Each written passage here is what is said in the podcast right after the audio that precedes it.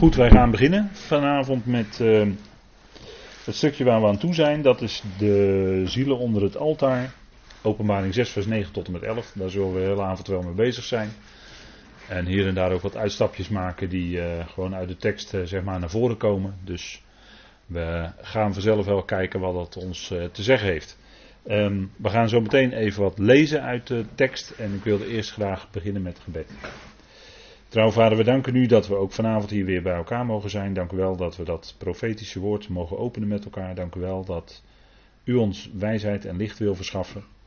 Dank u wel, vader, dat u ons wilt leiden in het luisteren en in het spreken. We danken u, Heer, dat u nabij bent, dat u ons wil opbouwen en zicht wil geven op de dingen die binnenkort zullen gebeuren.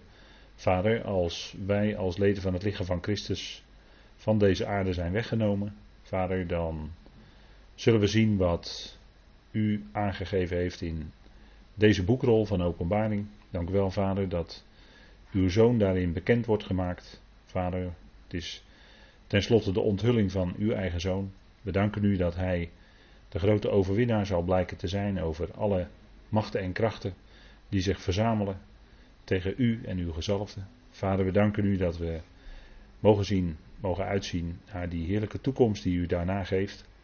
Vader, dank u wel dat gericht voor u eigenlijk een vreemd werk is. En dank u wel dat we mogen uitzien naar wat u als vrucht van dat gericht gaat geven. In deze schepping, maar vooral nog verder kijkend naar die nieuwe schepping die u gaat geven. Vader, we danken u daarvoor. We danken u dat u ons wilt leiden in het luisteren, in het spreken. Vader, mag het geleid zijn door uw geest. En ten diepste tot opbouw en tot eer en verheerlijking van uw naam. Vader, we danken u daarvoor. In de machtige naam van uw geliefde Zoon, onze Heer Jezus Christus. Amen. Goed, wij uh, lezen met elkaar het stukje waar we aan toe zijn. En dat is uh, openbaring 6, de versen 9 tot en met 11. En daar staat.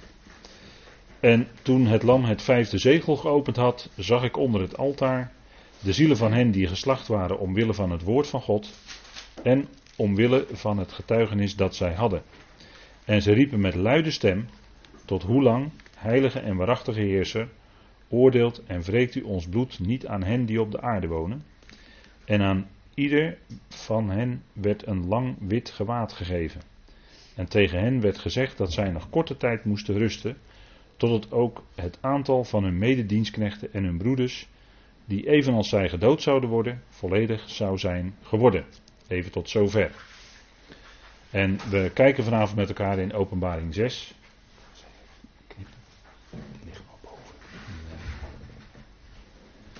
En we hebben de vorige keer gekeken naar de verbreking van de zegels tot en met het vierde zegel.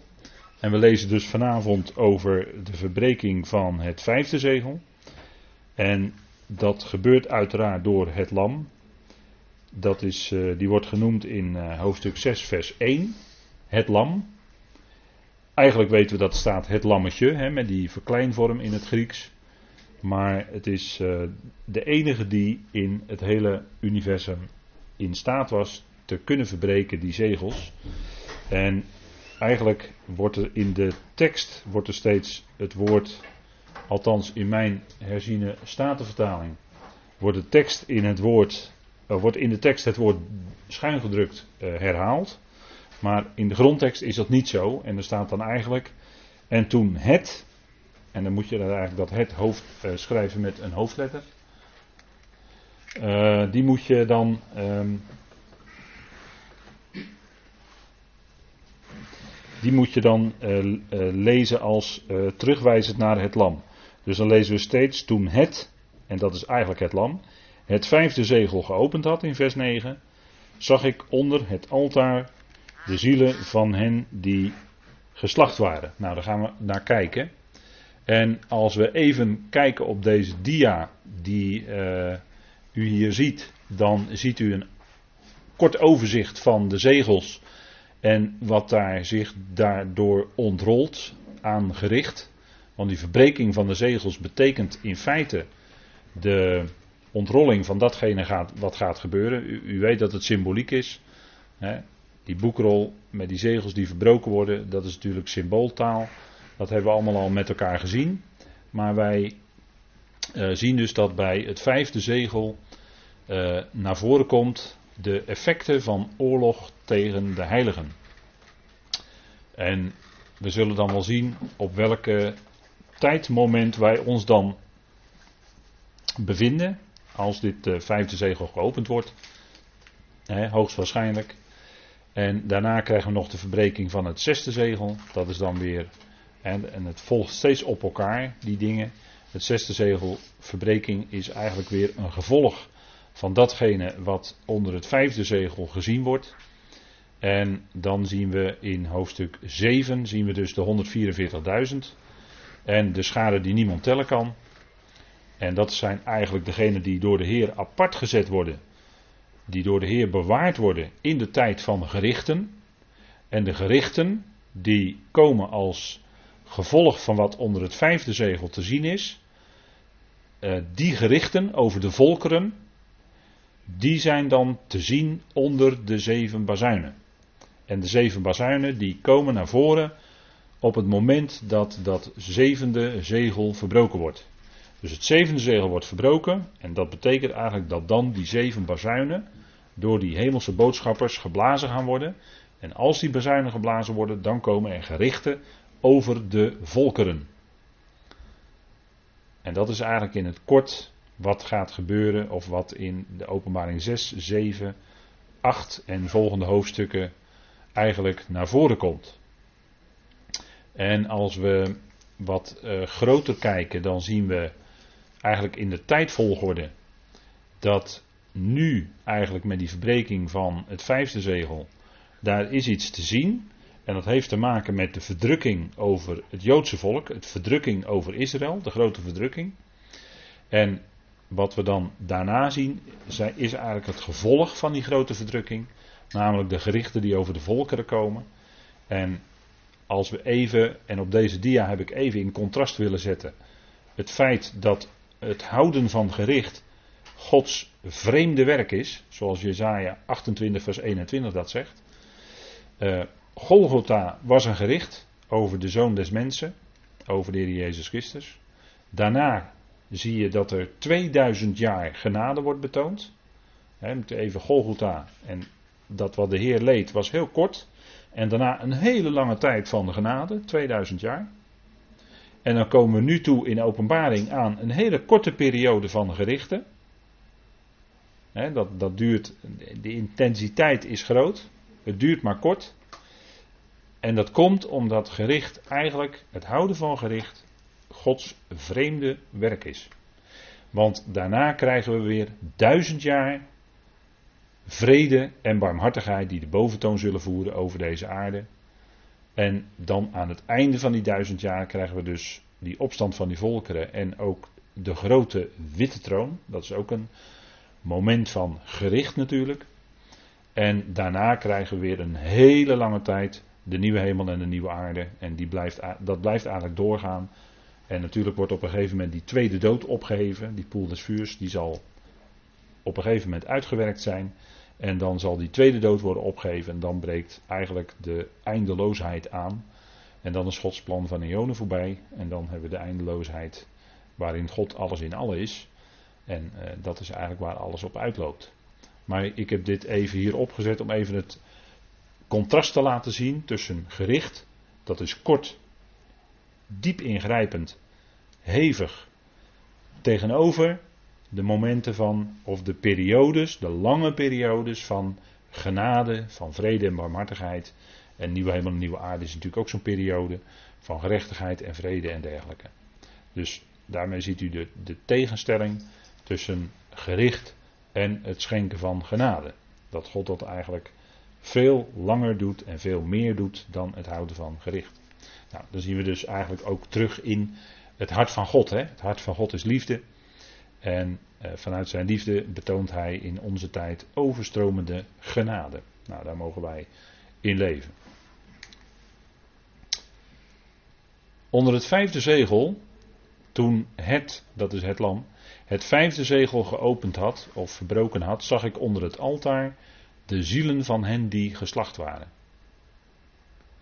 En nu is altijd de vraag: moet je dit nu letterlijk nemen of moet je dit opvatten als symbooltaal? Nou, in het verleden was, waren er altaren. Denk maar aan Salomo in de tempel. En ook in de tempel van Herodes was een altaar en die hadden daaronder een cisterne, zoals dat dan heet. Dat is zo'n uh, soort kelder, zeg maar, of kuil in de grond, als ik het heel simpel zeg, waar water in staat. Maar dat was speciaal bij zo'n altaar, omdat er allerlei dieren werden geslacht. En het bloed moest natuurlijk dan weglopen, want de keel werd doorgesneden, liep het bloed eruit. Ik kan ook zeggen, liep de ziel eruit, hè? Ja. Ja, maar daar zullen we nog wel wat dieper op ingaan. Maar de bloed liep eruit bij die altaren en daar was dan onder, daaronder een holte, en dat noemen ze dan een cisterne, waar dan het bloed werd opgevangen. En vandaar hier dat in openbaring 5 het woord altaar wordt gebruikt. En Johannes ziet dan onder het altaar de zielen van hen die geslacht waren. En een altaar dat verwijst naar dat daar geslacht wordt. Een altaar is uh, datgene waar uh, een dier geslacht wordt. denk maar aan bij de tabernakel het uh, koperen brandofferaltaar wat buiten stond, waar de dieren geslacht werden. En daar vloeide natuurlijk ook heel erg veel bloed bij, dat begrijpt u. Nou, vandaar het woord altaar hier. Maar we zullen wel zien uh, waarom dit altaar niet letterlijk is, maar waarom dit figuurlijk taalgebruik is. In dit geval we gaan altijd uit van het principe, als je de schrift leest, moet je hem in principe eerst letterlijk nemen, tenzij het niet kan. En hier kan het niet. Maar we gaan erop in waarom dat niet kan. En er staat, Johannes zag de zielen van hen die geslacht waren. En het gaat hier dus niet om dieren, maar het gaat hier om mensen.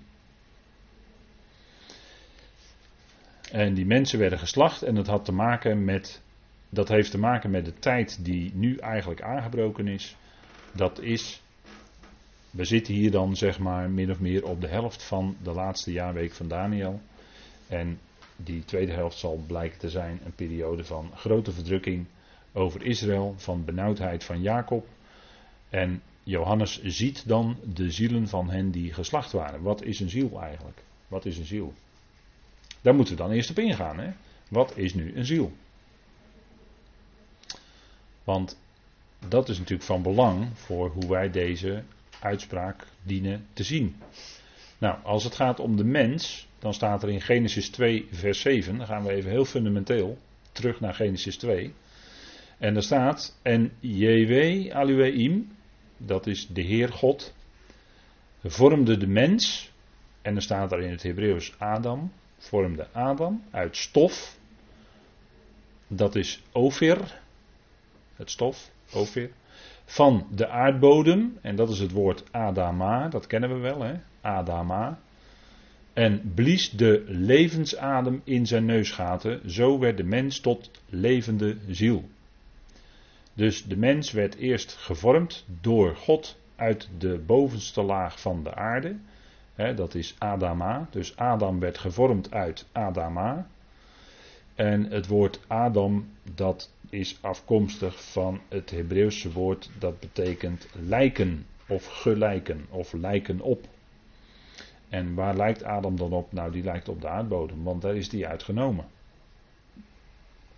Vandaar het woord gelijken. Hè? Adam, en er zit ook het woord dam in. En dam, dat is in het Hebreeuwse woord voor bloed. Bloed. En dat heeft ook te maken met rood rood. Adam, hetzelfde woord eigenlijk is in het Hebreeuws is Edom. En Edom betekent rood of de rossige. Nou, Edom.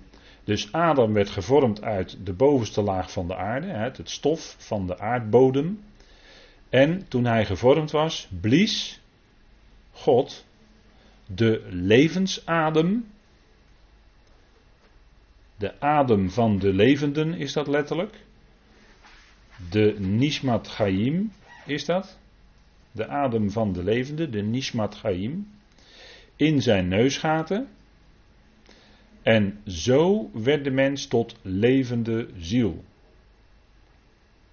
Het bloed ging stromen.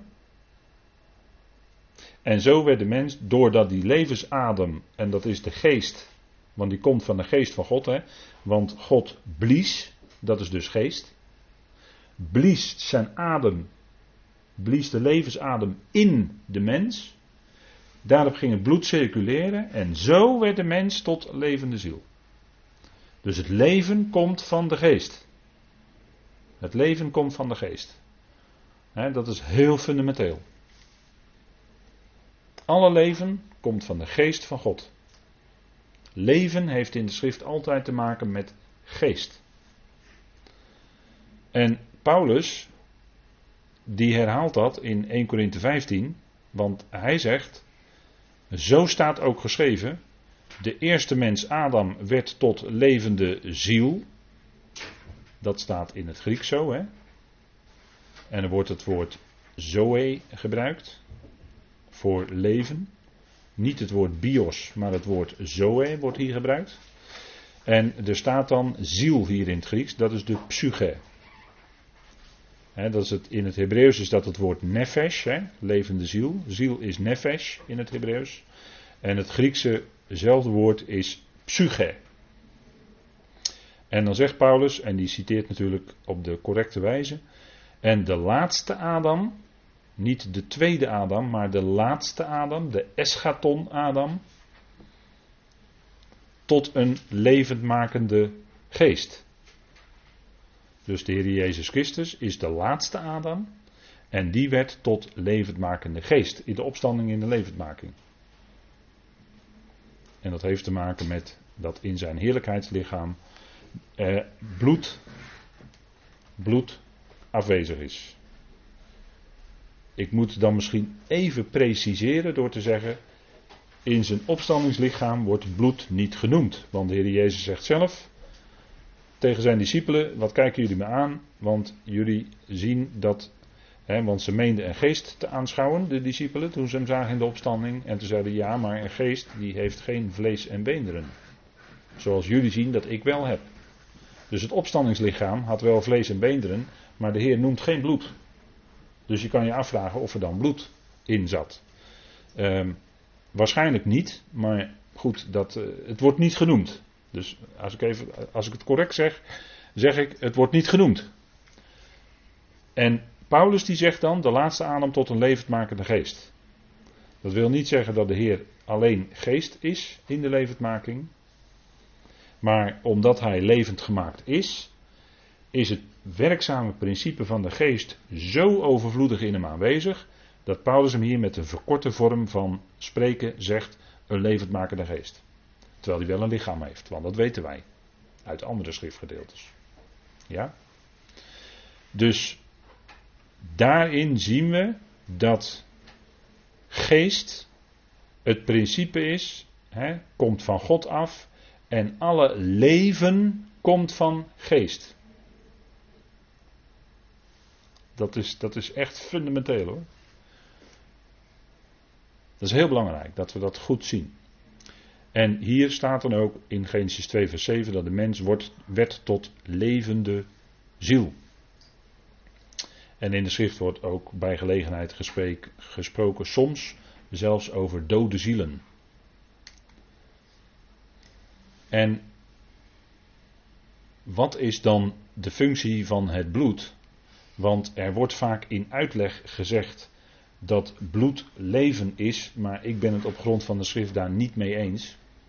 Sommigen die lezen zelfs bijna uh, het gelijke. Hè? Als ze dan bloed lezen, dan lezen ze eigenlijk van dat dat leven is. Maar dat is niet zo. Bloed is bloed. En leven is leven. En het is pas een circulerend bloed als er levensadem in zit. Als er geest in de mens zit. En dan is er pas sprake van echt leven. En is de mens ook een levende ziel.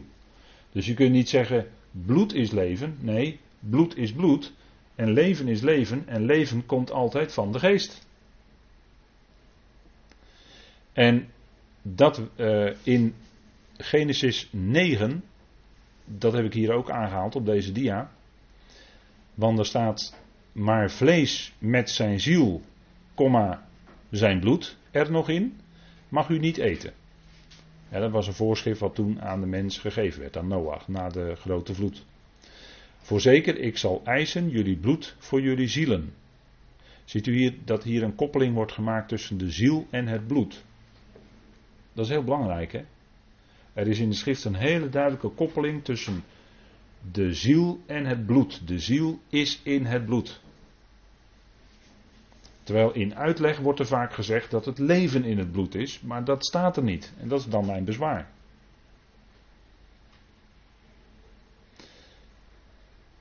Voorzeker, ik zal eisen jullie bloed voor jullie zielen. Van de hand van alle dieren zal ik het eisen. Ook van de hand van de mens. Van de hand van ieders broeder zal ik eisen voor de ziel van de mens. Vergiet iemand het bloed van de mens. Door de mens zal diens bloed vergoten worden. Want in, dan staat er letterlijk hier, in het beeld van Elohim heeft hij de mens gemaakt. Niet naar het beeld, maar in het beeld.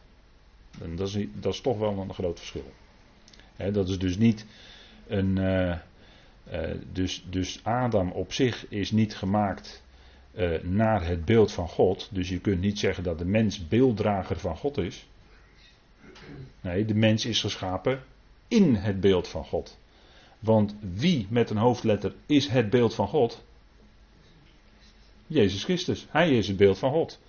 En die mens is geschapen in het beeld. Dus ten diepste in hem geschapen. En dat is wat ik wel teruglees bij Paulus in Colossense 1.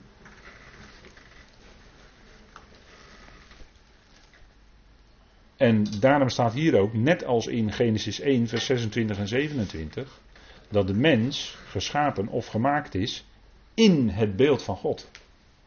Dat is een punt hoor, dat is een punt. heeft hij de mens gemaakt. Dus, en daarom heb ik onderaan deze dia hier gezet.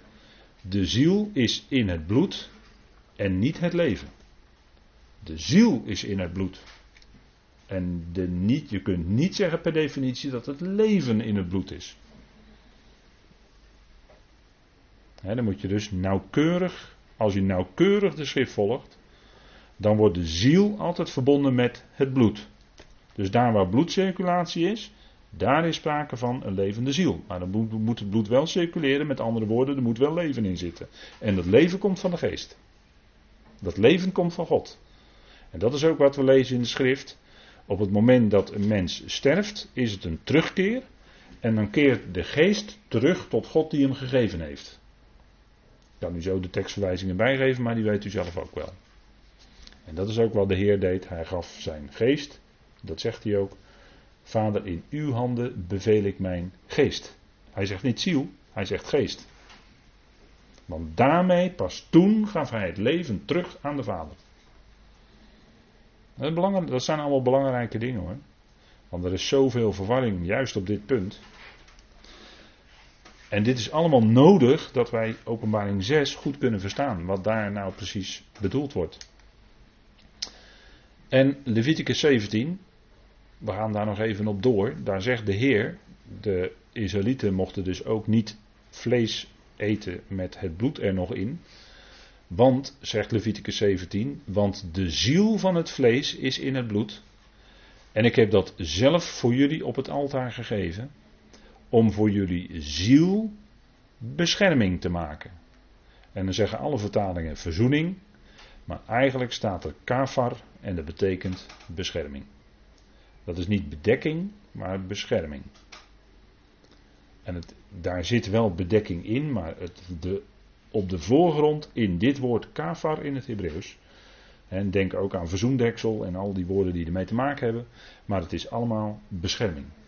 Bescherming, bescherming. Kafar. Want het bloed in de ziel, het maakt bescherming. En daarom heb ik onderaan deze dia opnieuw gezet. De ziel is in het bloed en niet het leven. En daarom, omdat daar toch een verbinding tussen zit, daarom mochten de Israëlieten geen vlees eten met bloed er nog in. Dus die ziel is er er is een sprake van een levende ziel als het bloed echt daadwerkelijk in de mens circuleert. En dan is er ook sprake van gewaarwording, is er sprake van gevoelens, is er sprake van denken, is er sprake van willen. Dat heeft allemaal te maken met de ziel van de mens. En het geestelijke, wat daar, om het te zeggen, leiding aan geeft, dat is dan de geest van God. En die zorgt ook voor het leven. De adem, de levensadem. Dat is een uiting van de geest van God. Dat heeft verbinding met geest. En dan de laatste tekst die een duidelijk verband legt in de schrift tussen het bloed en de ziel is Deuteronomium 12. En er staat alleen houd er aan vast geen bloed te eten, want het bloed is de ziel. En u mag niet samen met het vlees ook de ziel eten. U mag dat niet eten, u moet het op de aarde uitgieten als water. Dus eerst moet de nek doorgesneden worden van het dier, zodat het bloed eruit stroomt. En pas dan mocht dat vlees gegeten worden. Dan was het dier geslacht. En pas dan mocht het vlees ook daadwerkelijk gegeten worden.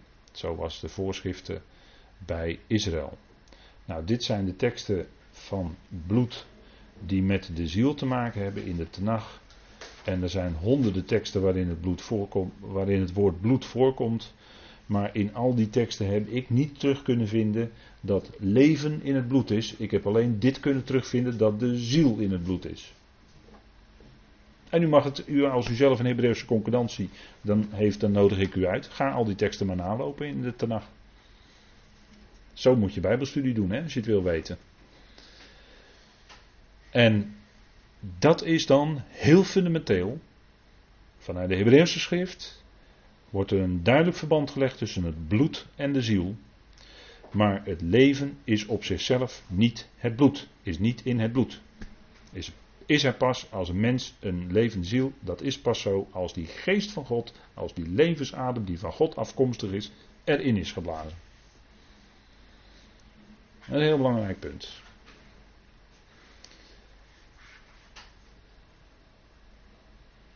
Ja, dus hebben we even gekeken naar ziel. En dan gaan we nog verder kijken naar de eerste doodslag die op de aarde begaan werd. Dat is bij Kain en Abel, zoals u weet. En wat wordt er dan bij Kain en Abel gezegd? dan roept, uh, dan roept uh, God roept, uh, Kain bij zich. En hij zegt: Wat hebt u gedaan? Een stem van het bloed van uw broeder, dat van de aardbodem tot mij roept. Dat bloed van Abel was vergoten door Kain. En dat bloed van Abel, dat riep van de aardbodem tot God. Nou, u begrijpt natuurlijk dat bloed niet zelf letterlijk kan roepen van de aardbodem, maar u begrijpt dat dit beeldspraak is.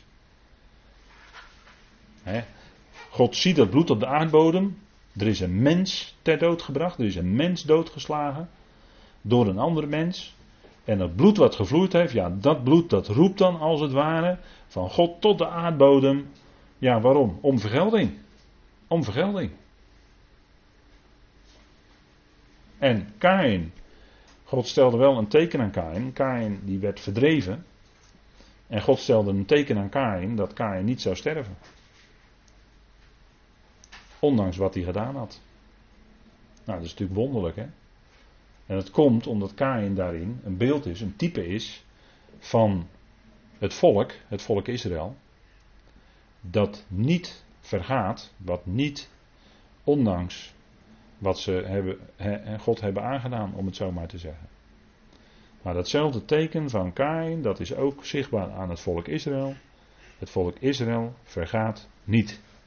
En dat is het wonder wat we natuurlijk ook vandaag zien in onze tijd. Dat het volk Israël nog overal alom aanwezig is. er zijn een aantal miljoen dan in dat kleine Joodse staatje daar in het Midden-Oosten. Maar er zijn nog meer miljoenen elders op de wereld en het volk bestaat nog steeds. Nou, dat is ook een teken wat God heeft gesteld aan dat volk. Het zal niet vergaan en dat is eigenlijk het teken van Kain. En net zoals Kain zijn eigen broer ombracht, zo heeft het Israël hun eigen broer omgebracht, namelijk de Heer Jezus Christus zelf. Want dat is daar natuurlijk ook een uitbeelding van, hè? deze broedermoord, om het zo maar te zeggen. Dat is wat zich later zou herhalen. En nochtans, hè, want het, er werd toen wel geroepen, zijn bloed komen over ons en onze kinderen. Maar nochtans stelt God aan het volk een teken, het zal niet, het zal niet Het zal niet vernietigd kunnen worden. En dat zal heel erg precair worden in die tijd van grote verdrukking. En dat is het vijfde zegel waar we het over hebben.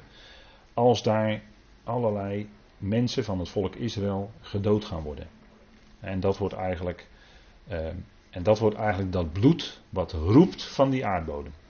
Dat roept van die aarde. Net zoals het bloed van Abel riep toen, zo roept dat bloed later ook. En dat zal allemaal binnenkort gaan plaatsvinden. En nog even door over de ziel. In Jesaja 53 staat eh, die bekende profetie over wat later de Heer Jezus Christus zou gebeuren, zou overkomen. En daar wordt eigenlijk heel, toch wel eh, heel, heel nauwkeurig voorzegging gedaan over zijn lijden. Er staat in Jesaja 53 vers 12.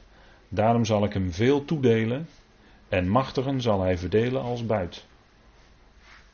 Omdat hij zijn ziel heeft overgegeven tot de dood. Onder de overtreders is geteld.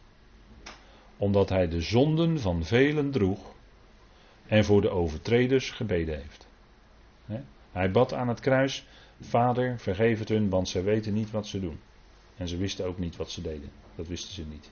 Want hadden ze het geweten, dan zouden zij de Heer van de heerlijkheid niet gekruisigd hebben, zegt Paulus later. Hè?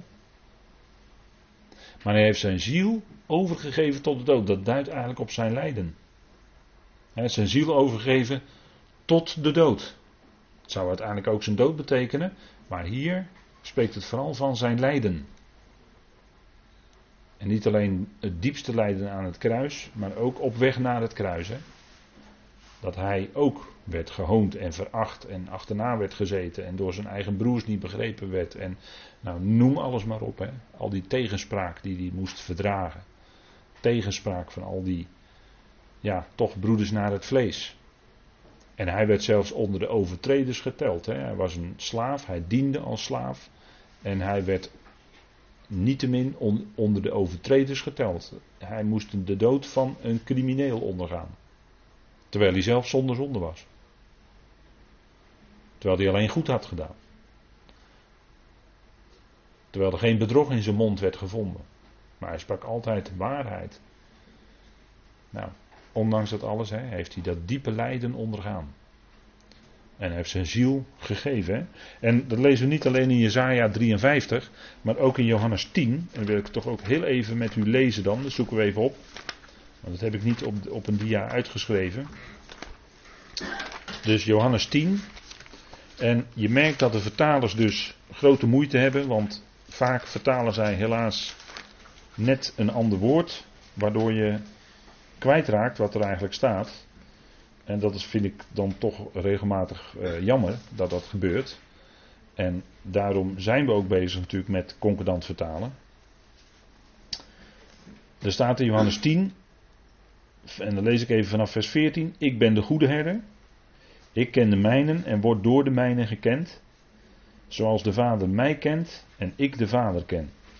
Ik geef mijn leven voor de schapen. Staat er niet, ik geef mijn ziel voor de schapen. En hier zien we dus dat de vertalers heel vaak, en dat komt regelmatig voor helaas, dat ze voor het woord ziel in de vertaling kiezen voor het woord leven. Maar het woord leven is in het Grieks het woord zoe of bios. En het woord ziel is natuurlijk psyche. En hier staat gewoon psyche in het Grieks. Dus hier moet je gewoon ziel vertalen. Dan ben je eerlijk. Anders is het niet eerlijk, vind ik. Dus hier, en dan zegt hij, nou, ik geef mijn ziel voor de schapen. Dus hij gaf zich totaal over, tot en met lijden, tot en met diep lijden. Dus het kostte hem zijn ziel. Ja, inderdaad. Hij gaf zijn ziel voor velen. Hè? Hij heeft zijn ziel gegeven tot losprijs voor velen. Zegt hij ook zelf. hè, in Marcus 10 en Matthäus 20. Hè, hij kwam om te dienen, om zijn ziel te geven. Liefde. Dienen.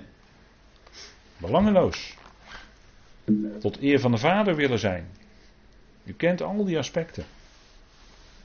Nou, zo heeft hij zijn ziel overgegeven tot de dood. Hè. Stond al in Jezaja als geweldige profetie. Over hem, die kwam later om diep te lijden. Hè. zijn enorme woorden hoor. En zo nauwkeurig vervuld. Hè. Zo nauwgezet vervuld in de Messias Jezus. Dat is ongelooflijk. Nou, dat, dat is zijn diepe lijden. Hè. Hij heeft zijn ziel overgegeven. En de, de oude Hebreeuwse tekst, die, of de Hebreeuwse tekst zegt uitgegoten. Nou, dan zou het zelfs nog naar het bloed verwijzen.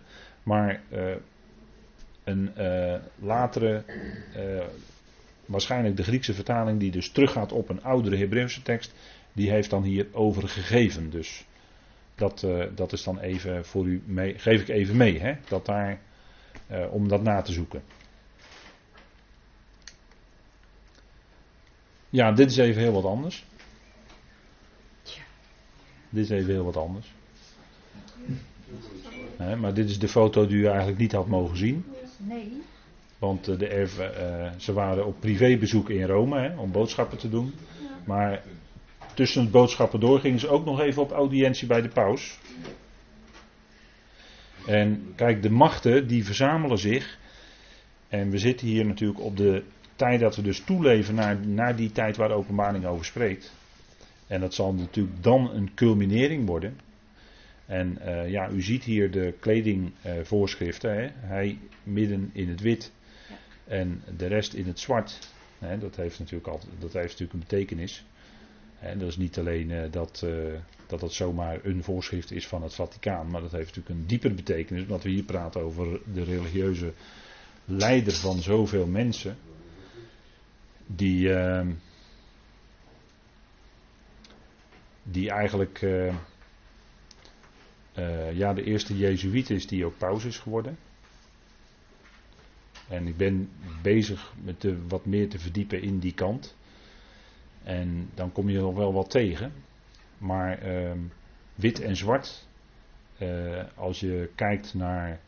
Als je dieper geestelijk kijkt, en dan moet u niet schrikken wat ik zeg. Maar dan heeft wit eigenlijk te maken met de kant van de witte magie. En zwart heeft te maken met de kant van de zwarte magie. En aan de kant van de zwarte magie staan de Illuminati. En aan de kant van de witte magie staat dan, nou ja, zeg maar de religieuze leider. En uh, daar, uh, en het heeft ook te maken met dat witte magie dus eigenlijk uh, in die religieuze sfeer hoger is dan de zwarte. Daar heeft het mee te maken. En u ziet dat ook omdat de Maxima die heeft hier ook een hoofdbedekking op. Dat is ook een teken van onderwerping aan. Hè? Maar um, u, u, moet maar, ja, u, u, weet zelf natuurlijk wel hoe u dat moet doen, maar uh, ja, als u dat wil en u, u, bent daar wel eens misschien mee bezig, dan zou u zich iets meer moeten verdiepen in de Jezuïeten, want um, die hebben toch wel een vrij hoge positie als het gaat uh, in de wereld over de gang van zaken. Um, omdat, ja, we hebben hier nu leden van het Koninklijk Huis, maar uh, eigenlijk was de biechtvader voor Beatrix was eigenlijk ook een Jezuïet. En um, die uh, staan bijvoorbeeld, uh, die geven bijvoorbeeld ook leiding over de, wat men dan noemt, de Knights of Malta. Dat is een bepaalde ridderorde, zeg maar, een oude ridderorde, die, uh, waar invloedrijke mensen in zitten. En uh, eigenlijk is het zo dat dus uh, de hoogste mensen van de Jezuïeten geven eigenlijk leiding aan die Knights of Malta. Dus die staan daar weer boven. En um, onderaan, en ja goed, uh, u kunt zelf zoeken hoor. Ik heb gezocht naar diverse dingen. En dan zie je dus dat de leden van het Koninklijk Huis eigenlijk allemaal uh, lid zijn van een Britse ridderorde. Dat is de orde van de kousenband. En um, op de officiële website van Paleis het Loo, daar staat gewoon dat. Um, kunt u zo opzoeken, officiële website Paleis het Loo. Daar staat op dat Willem-Alexander lid is van 20 ordes. Dus die, eh, en die hoort ook bij, hij zit ook in de familiekant die heel invloedrijk is. En ehm, het is ook een specifieke datum dat ze bij hem waren, 25 april. Ja, dat is ook een specifieke datum die binnen een bepaald uh, duister festival, zeg maar, een belangrijke datum is. En u moet niet denken dat het zomaar toevallig is dat hij op 25 april daar komt. Dat moet u niet denken. maar uh, dit zijn wel opmerkelijke dingen die, dus, uh, die u goed even moet meenemen. Daarom laat ik dit even zo zien.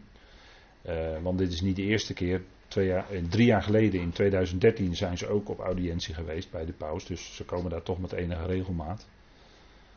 En um, in de toekomst hoop ik nog wel iets meer te zeggen over de Jezuïeten. Want daar ben ik nog niet helemaal uit hoe dat zit, het plaatje. Maar dat is een belangrijke macht in deze wereld. Een belangrijke religieuze macht.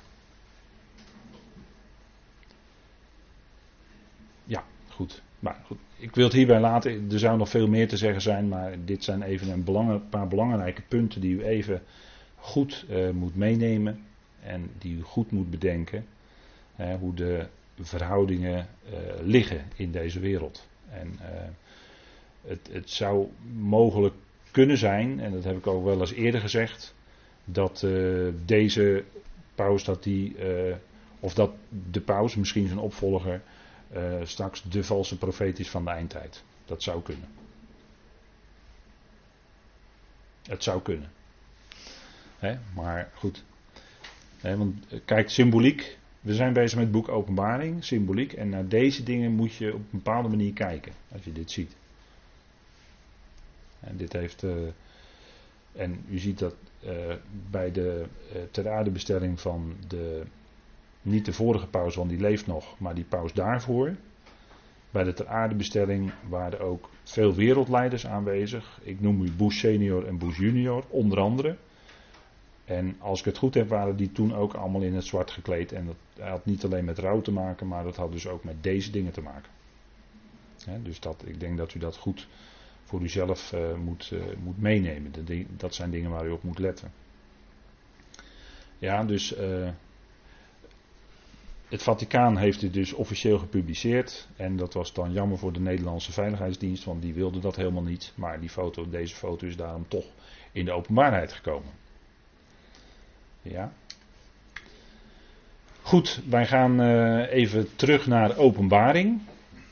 Want deze dingen die spitsen zich allemaal toe. Hè? Dat, u weet dat, dat achter de schermen allerlei uh, genootschappen zoals de Knights of Malta en, en dat soort organisaties.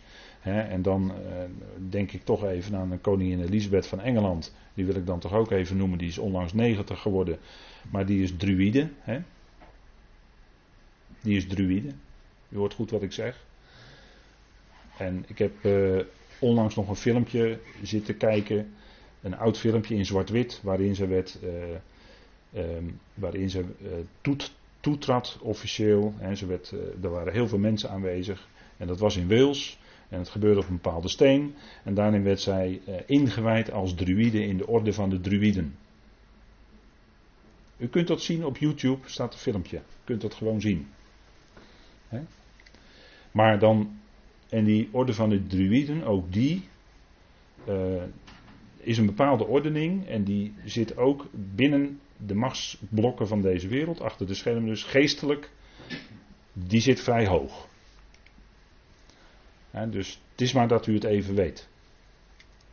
Nou, bij het vijfde zegel, want deze dingen die gaan dus allemaal straks, als het boek Openbaring echt in vervulling gaat, die 70ste jaarweek van Daniel, als die helemaal in vervulling gaat, dan gaan alle geestelijke machten zich ook toespitsen en dan wordt alles steeds meer openlijk.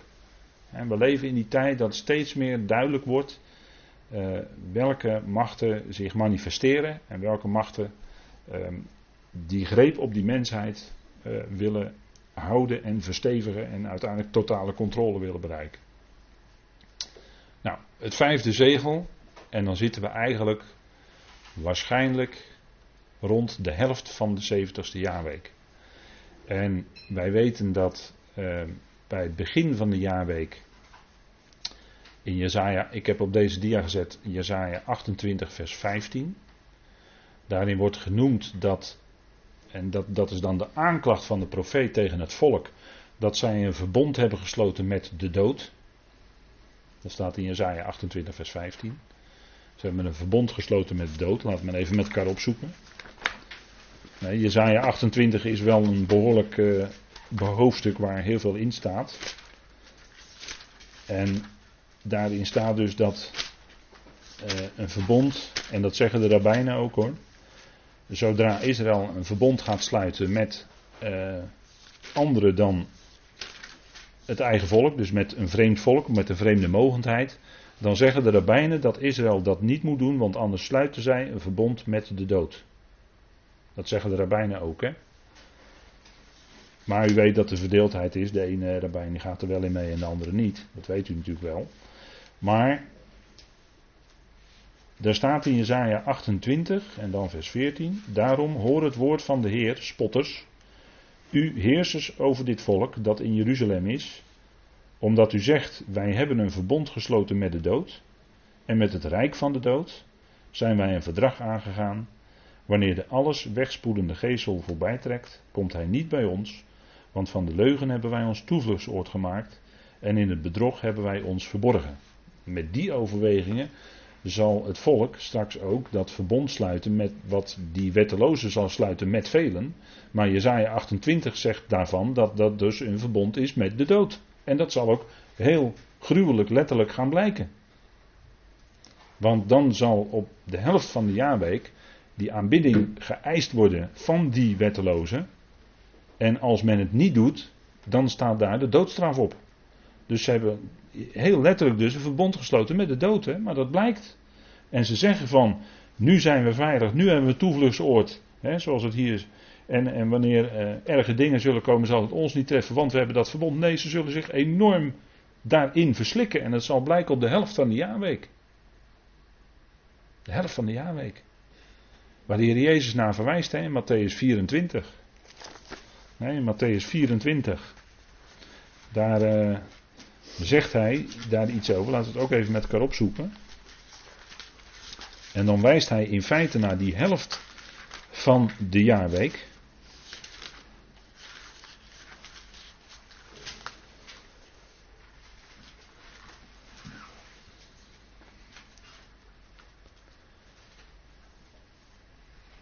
Want hij zegt daar, wanneer u dan de gruwel van de verwoesting, waarover gesproken is door de profeet Daniel, zult zien staan op de heilige plaats, laat hij die het leest daarop letten. Nou, die gruwel van de verwoesting is het oprichten van het beeld van het beest, ook in Israël, in Jeruzalem. En zij zullen dan dat beeld moeten aanbidden. dat, is, dat zal gebeuren op die helft van de jaarweek. En dan zal dus die wetteloze zijn ware gezicht laten zien. Namelijk dat hij niet een vriend is van Israël, maar dat hij een vijand is. En hij zal dan aanbidding gaan eisen. En als men het niet doet, dan zal men door het zwaard gedood worden. En dat is wat uh, wij ook bijvoorbeeld lezen in uh, Openbaring 13, vers 15. Laten we het ook even met elkaar opzoeken. Openbaring 13, vers 15.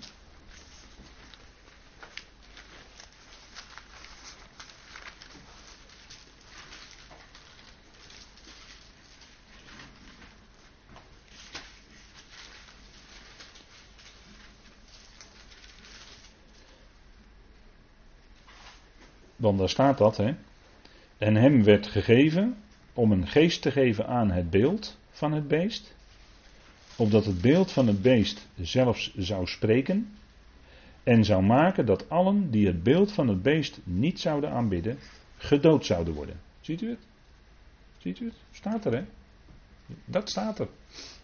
En dat is wat dan gaat gebeuren. Het is ontzettend natuurlijk over het, wat over het volk zal komen. En het zal leiden tot, want het zal wereldwijd zijn, en het zal leiden tot een wereldwijde uitbraak van antisemitisme, die zijn weerga niet kent in de geschiedenis. En we hebben al erge uitbraken natuurlijk gezien, zeer onlangs nog. dus, uh, dat is verschrikkelijk natuurlijk, dat men zo dan zijn hand zal willen slaan aan dat volk van God.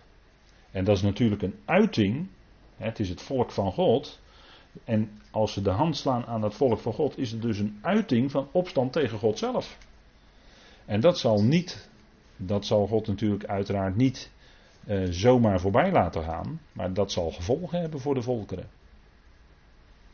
En, uh, de, en, en tegelijkertijd zal er dus inhouden dat iedereen zal dus verplicht dat beeld van het beest moeten aanbidden. En dat houdt tegelijkertijd in dat het, het ritueel, hè, dus de offerdienst die Israël heeft mogen instellen, hè, het offerdienst waarin zij dan hun God willen aanbidden, die zal dan op die helft van diezelfde jaarweek gestopt worden. Dus die offerdienst wordt gestopt, omdat zij in het vervolg niet meer hun eigen God mogen aanbidden, maar zij moeten het beest en het beeld van het beest gaan aanbidden. En daarin eigenlijk de tegenstander zelf. Die grote draak, weet u wel? Die grote rode draak. Waarvan we een foto hebben gezien dat hij op een sokkel staat in de City of London, weet u wel? dat wat net als Vaticaanstad een onafhankelijke staat is binnen de stad. He, Vaticaanstad is ook een onafhankelijke staat binnen Rome. Italië heeft daar geen jurisdictie. En zo heeft de Britse, de Britse regering heeft geen jurisdictie in de City of London. Dat is onafhankelijk. Dat is een staat binnen de stad Londen. En, en er is er nog één, dat is in Amerika, in Washington DC. En dat DC, dat wijst op die onafhankelijke staat binnen Washington. En die drie plaatsen van die wereld, die hebben verbinding met elkaar. Die hebben verbinding met elkaar, zeg ik. En dat is een enorme macht. En dan wil ik nog een vierde component daarin noemen. Dat is de Bank of International Settlements, BIS, in Zwitserland. En, die, en dat is ook zo'n gebied waar de Zwitserse regering dus geen jurisdictie heeft. Maar alleen die bank zelf bepaalt wat daar gebeurt. De Zwitserse regering heeft geen zicht op de transacties die daar plaatsvinden. En dat is de centrale bank van alle centrale banken van de wereld. En die vier plekken die ik nu genoemd heb, die bij elkaar, die vormen een zeer grote macht in de wereld van vandaag. En vergist u zich niet, die rode draak hè, op die sokkel daar in de City of London, vergist u zich niet hoor daarin. dat is zeer veel betekenis, heeft zeer veel betekenis. En dat heeft met deze dingen te maken die we nu hier in de openbaring lezen. Nou, de aanbidding van JW stopt. Hè?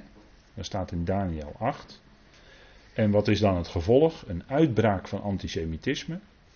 Want zoals zo vaak in de geschiedenis zal men de Joden weer de schuld geven van alles. Wat vaak niet waar is, maar het wordt wel gedaan.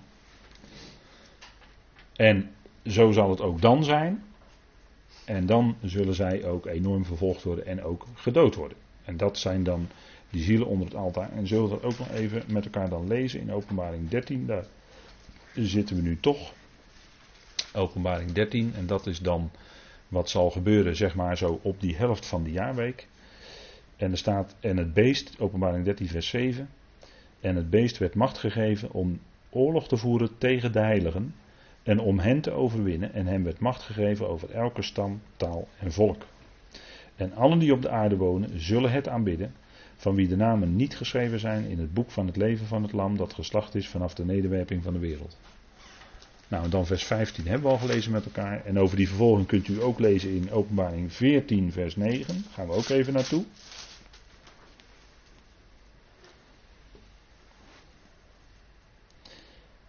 En er staat, en een derde engel volgde hen, die met een luide stem zei, als iemand het beest en zijn beeld aanbidt, en het merkteken op zijn voorhoofd of op zijn hand ontvangt, zal hij ook drinken van de wijn van de toren van God, die onvermengd is ingeschonken in de drinkbeker van zijn toren, en gepeinigd worden in vuur en zwavel voor het oog van de heilige engelen en van het lam. Dus u ziet dat degene die het beest en zijn beeld aanbidden, dat het enorme gevolgen heeft. En die gelovigen die dan. Uh, en de gelovigen die hun knieën niet zullen buigen voor dat beest of het beeld van het beest, die zullen vervolgd worden en gedood worden. Zo zal het zijn. Dus er zullen enorm veel mensen dan omgebracht worden, hè, die daarin niet meegaan. Nou, dat, dat zijn dan eigenlijk wat je zou kunnen zeggen, die zielen onder het altaar. Hè. Het vijfde zegel wordt geopend. Onder het altaar zien we de zielen van hen die geslacht waren. Vanwege het woord van God en vanwege het getuigenis dat ze hadden. Nou, deze martelaren die worden dan ook elders genoemd in de schrift. die echte martelaren die echt niet wilden buigen. En die echt bewust dan in die tijd gedood zullen worden om het woord van God en om het getuigenis wat zij hebben. Nou, die worden door de Heer Jezus genoemd in Matthäus 24, vers 9. Hè, daar gaat het dus om die martelaren. Daar gaan we ook even naartoe. We gaan nog even een paar teksten opzoeken en dan gaan we pauzeren. Maar ik wil deze dan toch heel even nog meenemen.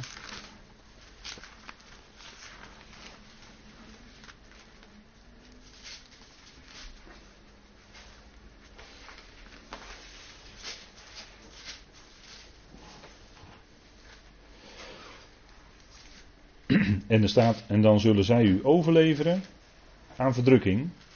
En dat zegt de Heer Jezus tegen zijn volk. Dan zullen zij jullie overleveren aan verdrukking en jullie doden. En jullie, zullen, en jullie zullen door alle volkeren gehaat worden omwille van mijn naam. Ziet u, dat, dat is die, waar ik het over heb, die grote uitbraak van antisemitisme van de eindtijd. dat heeft de Heer Jezus hier voorzegd in Matthäus 24, vers 9. Nou, is natuurlijk ontzettend, hè? Wat, uh, wat daarmee dan gebeurt. En die martelaren, daarover lezen we ook nog enkele keren in elders in Openbaring. En dat wil ik ook met u opzoeken. Openbaring 2, vers 10. dus dan zal hun getuigenis voor het woord en voor de naam van God en voor de naam van de Heer zal dus inderdaad hun letterlijke dood betekenen. Zoals het in het verleden ook al vaak gebeurd is natuurlijk met mensen die echt bewust bleven staan voor de naam van de Heer. En hun geloof daarin beleden. Dat heeft heel wat mensen al letterlijk uh, hun leven gekost. En staat in openbaring 2 vers 10. Wees niet bevreesd voor wat jullie lijden zullen. Zie, de tegenwerker, de duivel, zal van jullie in de gevangenis werpen, omdat jullie verzocht worden. En jullie zullen een verdrukking hebben van tien dagen. Wees trouw tot de dood, en ik zal je de kroon van het leven geven. Nou, dat zullen ze ook zijn, ze zullen ook trouw tot de dood zijn. En er staat in vers 11 dan eraan toegevoegd: Wie oren heeft, laat hij horen wat de geest tegen de gemeente zegt. Wie overwint, zal zeker geen schade toegebracht worden door de tweede dood. die overwinnaars, die zullen dan weliswaar dan in die tijd van grote verdrukking gedood worden. Maar zij zullen geen schade lijden van de tweede dood. Ze zullen zijn bij de opstanding, voorafgaand aan de duizend jaar. Daar zullen ze bij zijn. En dan zullen zij geen schade lijden van de tweede dood. Dus zij zullen dan leven hebben. Ionisch leven. En als laatste dan voor de pauze, openbaring 20 vers 4, want daar staat dat dat zij weer zullen opstaan. Openbaring 20, vers 4. En ik zag tronen en ze gingen daarop zitten. En het gericht werd hun gegeven. En ik zag, let op, hè, de zielen, daar hebben we ze weer. De zielen van hen die onthoofd waren om het getuigenis van Jezus. En om het woord van God, die het beest en, het, en zijn beeld niet hadden aangebeden die het merkteken niet ontvangen hadden op hun voorhoofd en op hun hand. En ze werden levend en gingen als koningen regeren met Christus duizend jaar. Dus u ziet dat zij opstaan voor de duizend jaar. En dat ze met hem ook zullen regeren in die duizend jaar. En dat geldt dus ook voor die martelaren die omkomen in de grote verdrukking. Hè, waar we het nu over hebben. En u, openbaring 20 vers 4 kunt u zo leggen naast onze tekst van openbaring 6 vers 9. want er wordt ook genoemd het woord van God en het getuigenis. En dat ze daarom gedood waren. Nou, en zij zullen dan aan het begin van de duizend jaar, of voor, voor hun begin dan de duizend jaar, zullen zij opgewekt worden, opstaan. En dan zullen zij met Christus regeren als koningen en priesters in die duizend jaar. Nou goed, ik wil het even hierbij laten voor nu. We gaan even pauzeren.